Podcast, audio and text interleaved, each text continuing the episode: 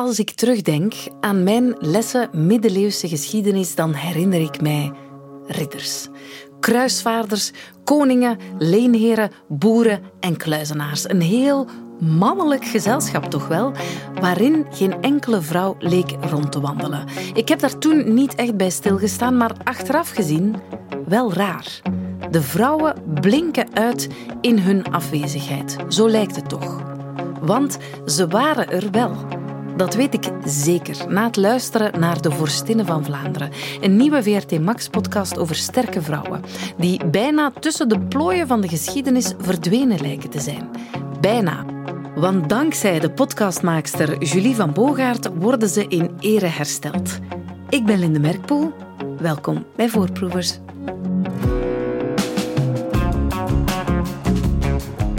Voorproevers. Julie van Bogaert, welkom. Dankjewel, blij hier te zijn. Jij maakte de podcast voor Stinnen van Vlaanderen te beluisteren op VRT Max. Een reeks over krachtige, sterke, bepalende, invloedrijke vrouwen in de middeleeuwen. De vrouwloze geschiedenislessen waar ik het net over had, zijn die herkenbaar voor jou? Die zijn heel herkenbaar, Linde. Ik kan me niet herinneren dat het ooit over vrouwen in de middeleeuwen is gegaan bij mij op school. Zelfs niet over Jeanne d'Arc, die er dan vaak zo een beetje als excuustroes wordt bijgesleurd. En um, ja, eigenlijk hield ik toen ook niet zo heel erg veel van geschiedenis. Echt? Nee. Die, ah, ik had verwacht dat dat jouw nee, nee, lievelingsvak ging geweest zijn. Het is niet dat ik er een hekel aan had, maar het was niet mijn uh, favoriete vak. En um, ik heb altijd luidop Dus ik zat aan mijn bureautje alles uit te leggen voor een imaginair publiek. En bij geschiedenis, ja, dan trok ik alle registers open en ik moest daar dan echt zo een verhaal van maken. En die had ruzie met die en dan ging dat en dat. En uh, ja, zo kon ik dat beter onthouden allemaal. En dat is eigenlijk wel een beetje wat ik nu ook in de podcast doe. Dus het is eigenlijk wel grappig om te bedenken dat misschien mijn studieervaringen toen uh, mij toch hebben geholpen om een, een goede podcastmaker te worden. Ja, het ontbreken van die vrouwen in de laten we zeggen, mainstream uh, geschiedenislessen. Is dat de reden waarom deze podcast, de Vorstinnen van Vlaanderen, er moest komen voor jou? Ja, ze, over, ze, ontbreken echt overal. Niet alleen in de geschiedenislessen. Misschien is dat nu ook al wat uh, veranderd. In, uh, in ik de, hoop het. Ik hoop het ook. Maar ook als je kijkt naar uh, tv-reeksen, podcasts, boeken. Um, daar zijn ze vaak ja, nog een beetje een bijgedachte in het beste geval. Um, dus um, ja, daar mocht wel eens verandering in komen. Ja, want je zou durven denken... Misschien waren ze er gewoon niet. Of, of misschien waren ze niet zo super belangrijk, of misschien waren ze net een dutje aan het doen aan het haardvuur, of iets leuks aan het borduren, en was dat het dan? Ja, dat denken mensen vaak, en die vraag krijg ik ook uh, vaak van, maar ja, in de middeleeuwen, dan werden vrouwen toch compleet buiten spel gezet. Nu, we gaan, gaan er ook geen hoera-verhaal van maken, als zouden die vrouwen uh, ja, echt de beste kansen ter wereld hebben gekregen. Ze kregen echt wel met veel vooroordelen te maken, um, maar ze hebben altijd manieren gevonden om zich toch te laten gelden, en um, ja, ze hebben veel meer gedaan en betekend dan, dan wij vandaag nu denken, omdat die geschiedenis al zoveel eeuwen altijd is verteld vanuit een mannelijk oogpunt, vaak door mannen, uh, voor mannen. Dus uh, op die manier ja, worden ze vaak een beetje aan de kant geschoven. Ja, jij bent dus met een andere bril op, een vrouwelijke bril op, gaan kijken doorheen die geschiedenis, de geschiedenis gaan browsen, op zoek naar sterke figuren. Je bent dat niet alleen beginnen doen. Je hebt dat gedaan samen met niet de minste, denk ik, uh, Els de Parmentier.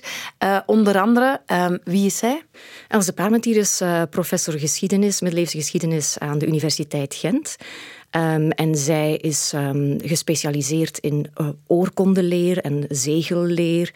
Uh, dus ja, eigenlijk de middeleeuwse administratie. En dat klinkt heel saai en stofferig, maar ja, dat hield wel de maatschappij draaiende. En dat zijn natuurlijk ook wel prachtige documenten, zo'n oorkonde met een zegel eraan. En daar staat dan een stempel op met een, een ridder uh, of ook een vrouw, vaak op een paard, met, een, met nog een jachtvogel op haar arm. Dus dat zijn wel heel tot de verbeelding sprekende documenten die ook veel kunnen vertellen. En het over klinkt misschien wel saai en stofferig, zoals je zegt, tot je Els de Parmentier ja. hoort vertellen. In een periode waarin nog niet zoveel uh, oorkonden worden uitgereikt als in de eeuwen die daarop volgen, uh, bestond in sommige regio's de gewoonte om daar een fysiek element van de vorst in te verwerken, zoals uh, eventueel een stukje nagel of er zijn zeker sporen van ja, plukjes haar die in het, het, zegel verwerkt werden. Ja, maar onder de graven, graaflijke zegels heb ik daar geen indicatie over gevonden.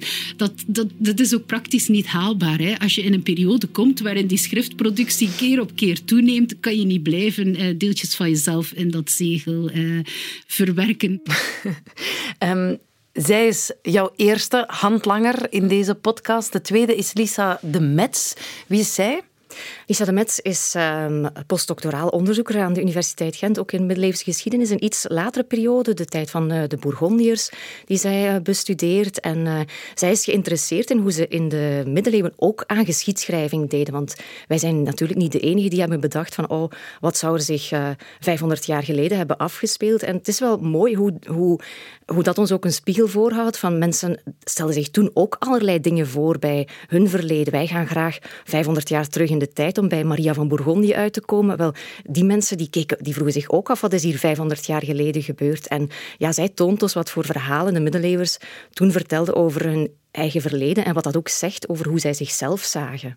Je hoort hier in dit fragment Lisa de Metz vertellen over Margaretha van York en haar passie voor boeken. Margaretha van York was bijzonder intelligent. Dat moet een zeer intelligente vrouw geweest zijn met een hele grote talenkennis. Zij kon Engels, Frans, ook Nederlands een beetje.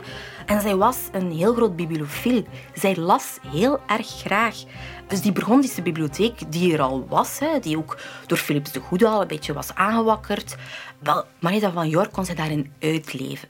We weten bijvoorbeeld dat zij boeken ging gaan ontlenen van Philips de Goede. En zij schreef daar haar naam in. Dus zij eigende zich echt boeken toe van de Burgondische hertog. En zij las die zelf en zij schreef daar zelf in. Ehm, en dat is wel leuk, want we weten eigenlijk zoveel over Marita's leescultuur en wat zij allemaal graag las omdat ze dat heel vaak deed. Zij ging heel erg vaak haar naam in boeken schrijven. Zij liet zich ook heel graag afbeelden in boeken. Ehm, want zij bestelde ook zelf heel veel boeken. Wat mij opvalt bij hen allebei die zijn zo zalig enthousiast. Ja, Lisa moest er zelf ook een beetje mee lachen van hoor mij zo eens over die boeken en over iets ja, schijnbaar onnozels als een naam in een boek. Maar dat, ja, dat geeft jou zo meteen toegang tot die persoon zelf die daar ja, op een heel um, ja, gedurfde wijze toch wel heeft gezegd van dat is hier mijn boek, dat is niet van mijn schoonvader, dat is hier van mij. Of, of ja, je kan je daar dan toch iets, die persoon zo'n beetje tot leven zien komen via de naam in een boek. Ja, twee enthousiaste expertes in geschiedenis en dan jij, Julie, met je fonkelende ogen terwijl je vertelt over, uh, ja, nu al over die vrouwen en over die verhalen. Um, het is heerlijk om door jullie drie meegenomen te worden in de Vorstinnen van Vlaanderen. Even dubbel checken of ik goed heb opgelet tijdens de geschiedenisles. Dat was van 500 tot 1500. Check. Ja, die periodes, dat is altijd een beetje een, een soort van compromis, maar het is inderdaad wel een heel lange periode van duizend jaar, die middeleeuwen. Dus er is heel veel veranderd op, op die tijd.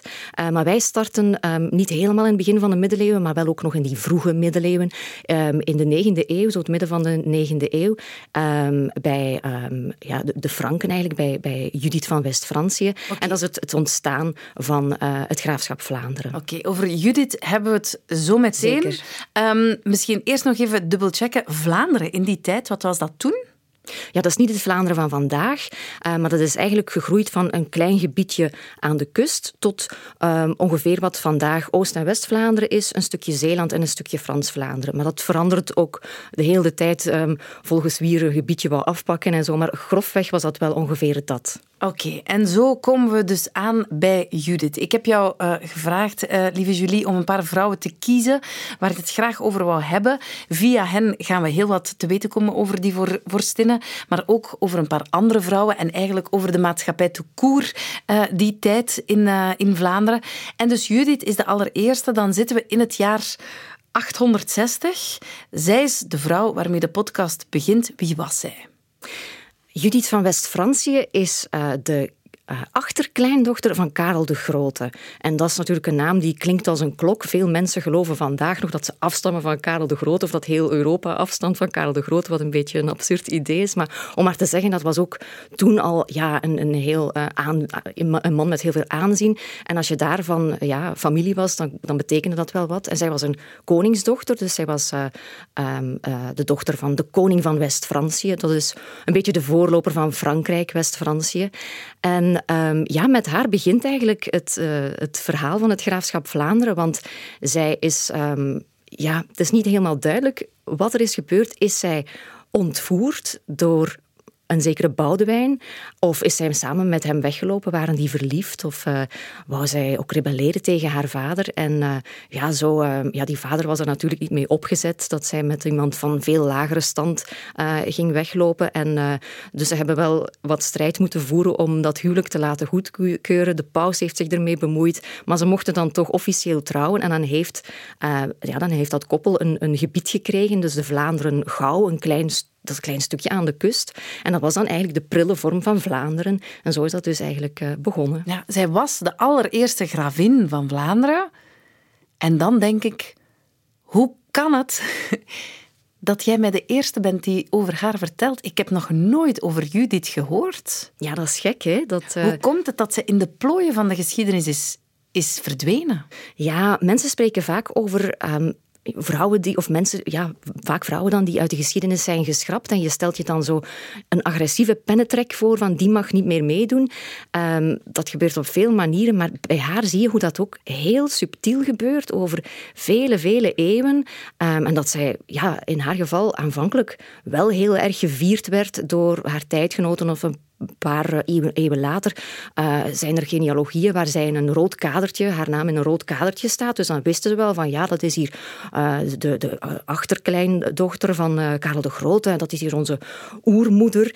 Maar dan geleidelijk aan... Is ze gewist? Ja, en dat is echt heel geleidelijk aangebeurd, omdat dan toch die...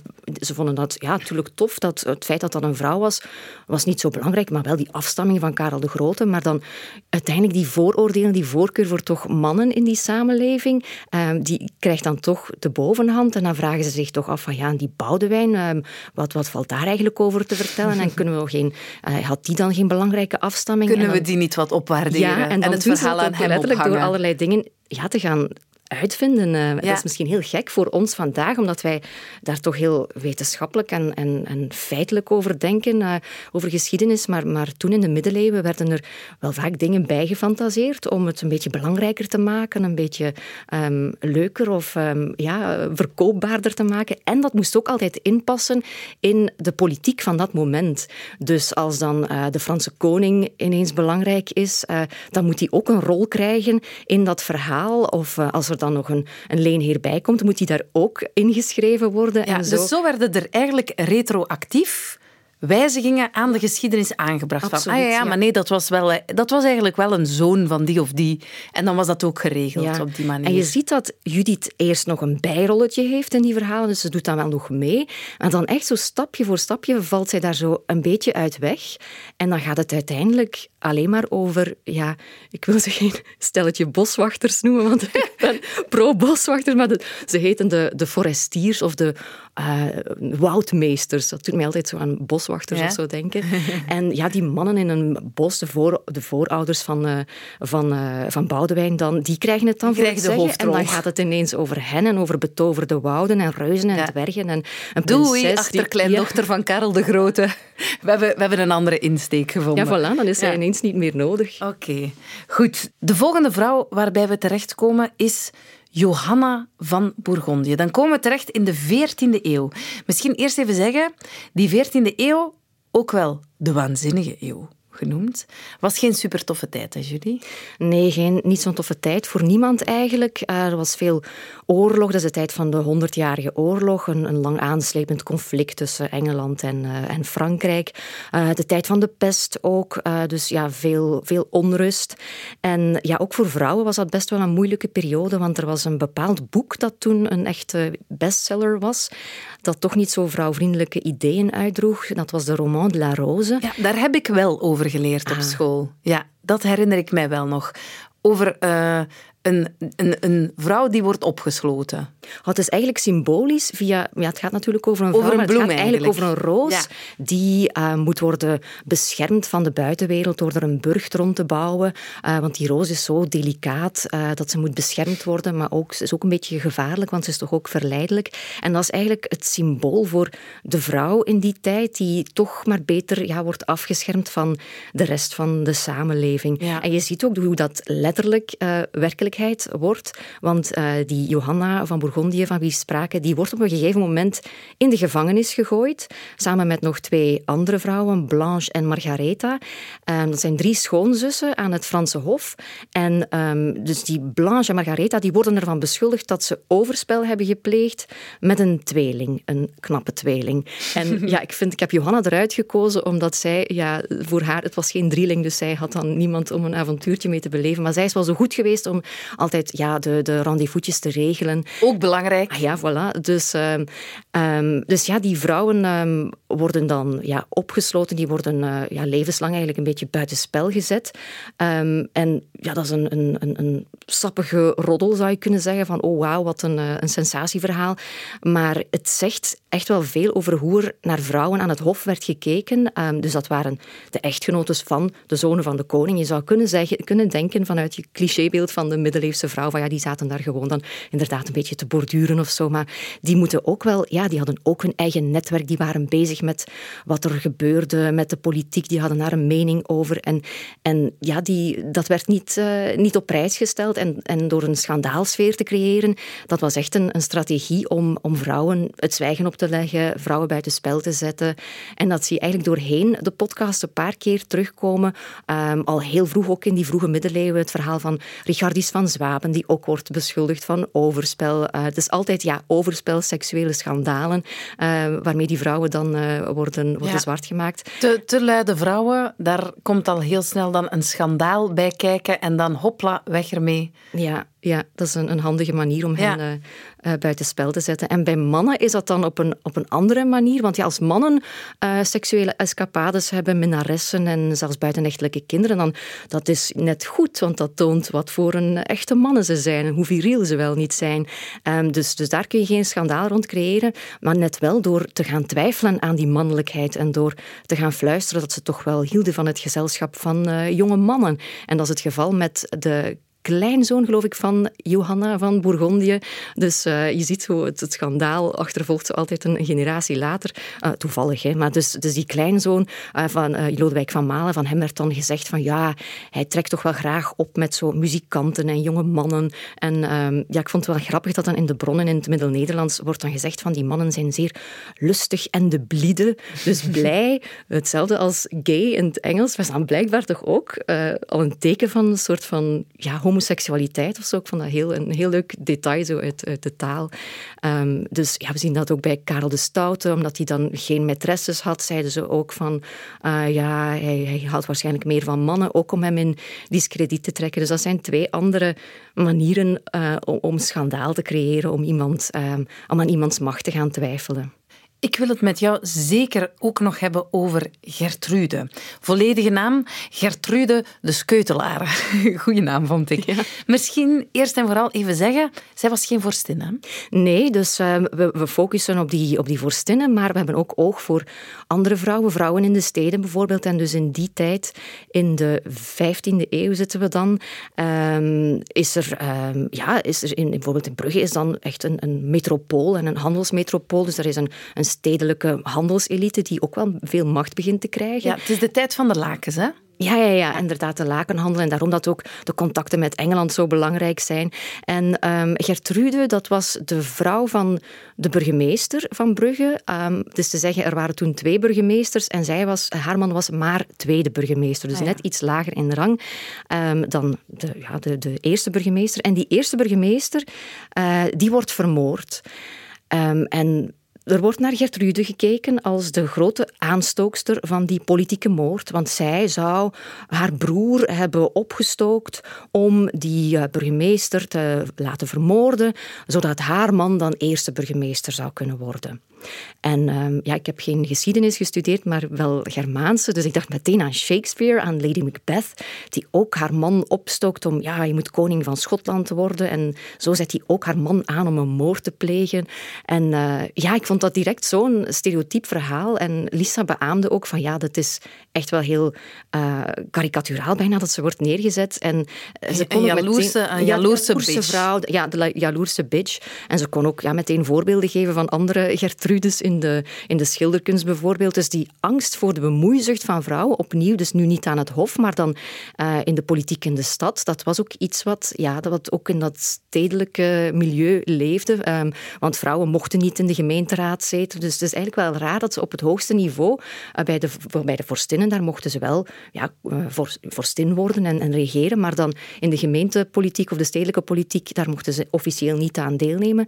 Maar ja, als je dan voorbij dat stereotype kijkt van, van hoe Gertrude wordt afgeschilderd als de evil master brain, um, dan heb ik daar wel heel veel begrip voor. En dan kan ik me heel goed voorstellen van, ja, jij woont ook en je leeft ook in die stad waarvan alles gaande is. Er was op dat moment een opstand, uh, dus de stad was heel erg verdeeld. Dat jij dan ook een mening hebt over, over de toekomst van de stad uh, en dat je die mening kenbaar wil maken, dat je daarover praat met je man en dat je, jullie daarover overleggen. Want het, het wordt geportretteerd als bemoeiziek, ja. Maar eigenlijk wilde zij misschien ook gewoon haar stem laten horen. Alleen was er geen plaats voor die stem, alleen via haar man kon zij zich eigenlijk mengen in dingen als inderdaad handel, politiek, het publieke leven.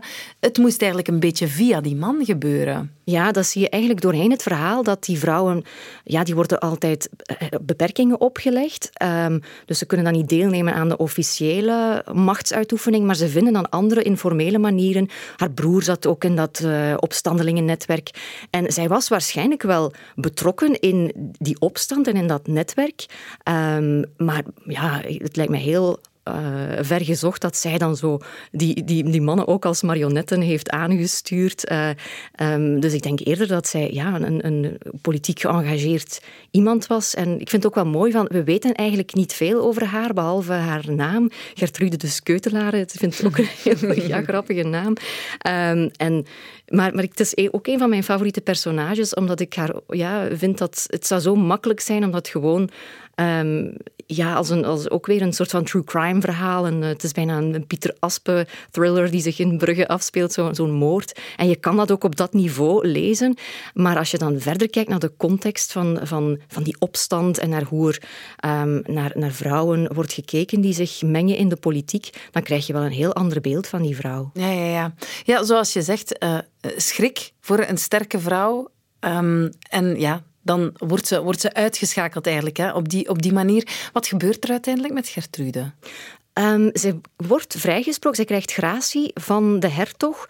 Dus uh, waarschijnlijk um, moet zij toch ook wel goed geconnecteerd geweest zijn. En uh, dus dat verhaal dat van, van ja, die vreselijke Gertrude, dat lees je eigenlijk maar in één kroniek. Dus die kroniekschrijver die is heel hard voor haar en die kan er eigenlijk niet mee leven dat zij vrijgesproken werd. En zij hij vindt eigenlijk dat er voor Gertrude, dat zij had moeten worden uh, begraven op de grote markt van Brugge met nog een bordje erbij van hier ligt die vreselijke vrouw die ons allemaal in gevaar heeft gebracht. Als ook een soort van waarschuwing van dit is wat er gebeurt wanneer vrouwen zich bemoeien met de politiek. Dus haal het niet in je hoofd om dat te gaan doen. Vergaande straf wel. Ja, voilà, dus op die manier.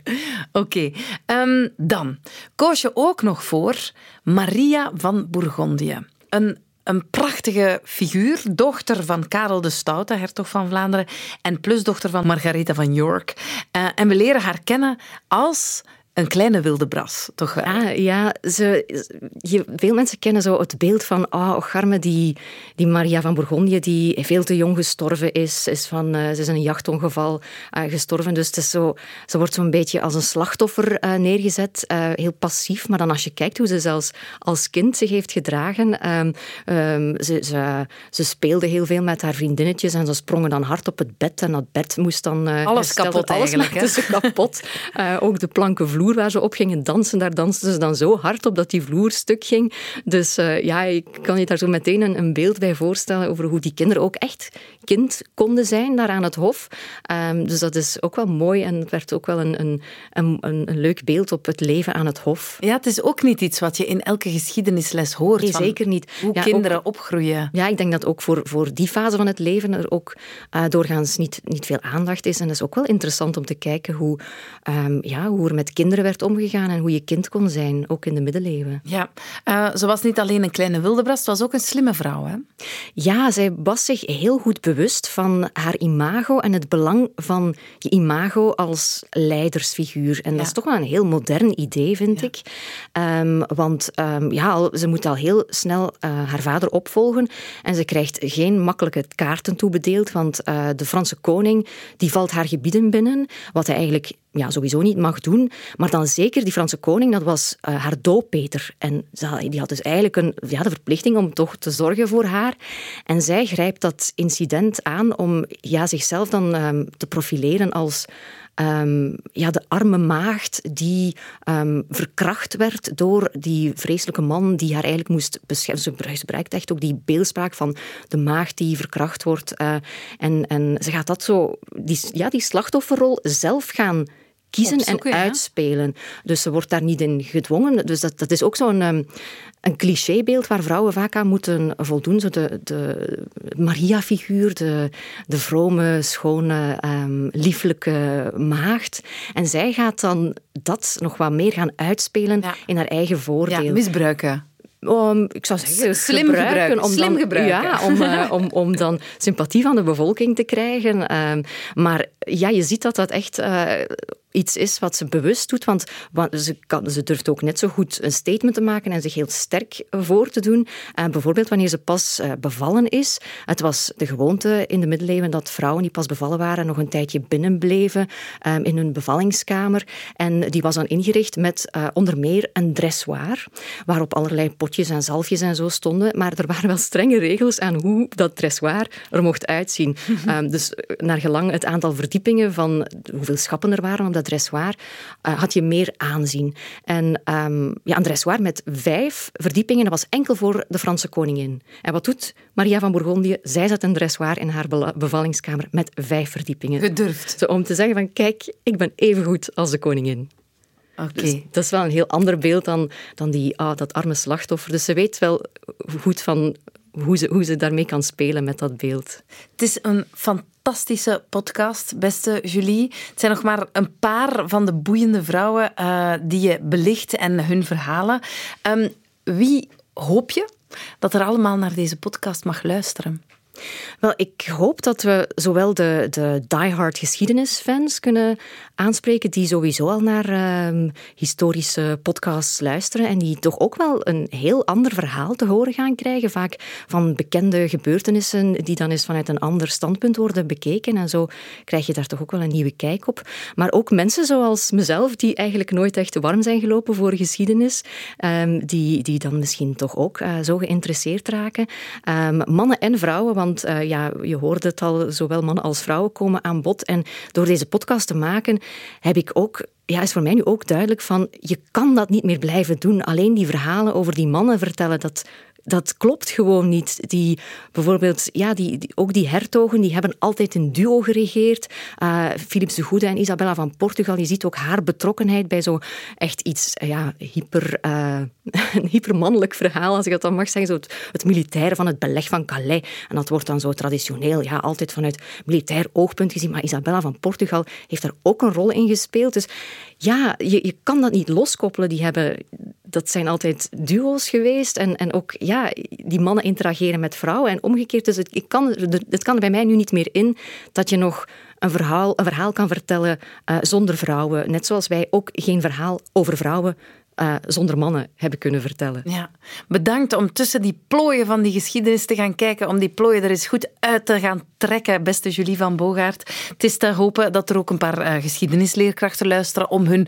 lessen aan uh, ja, de leerlingen wat extra girl power te geven en geïnspireerd kunnen geraken door al die powervrouwen. Het zou supermooi zijn. De Vorstinnen van Vlaanderen is te vinden op VRT Max. Net zoals trouwens alle afleveringen van deze Voorproeverspodcast.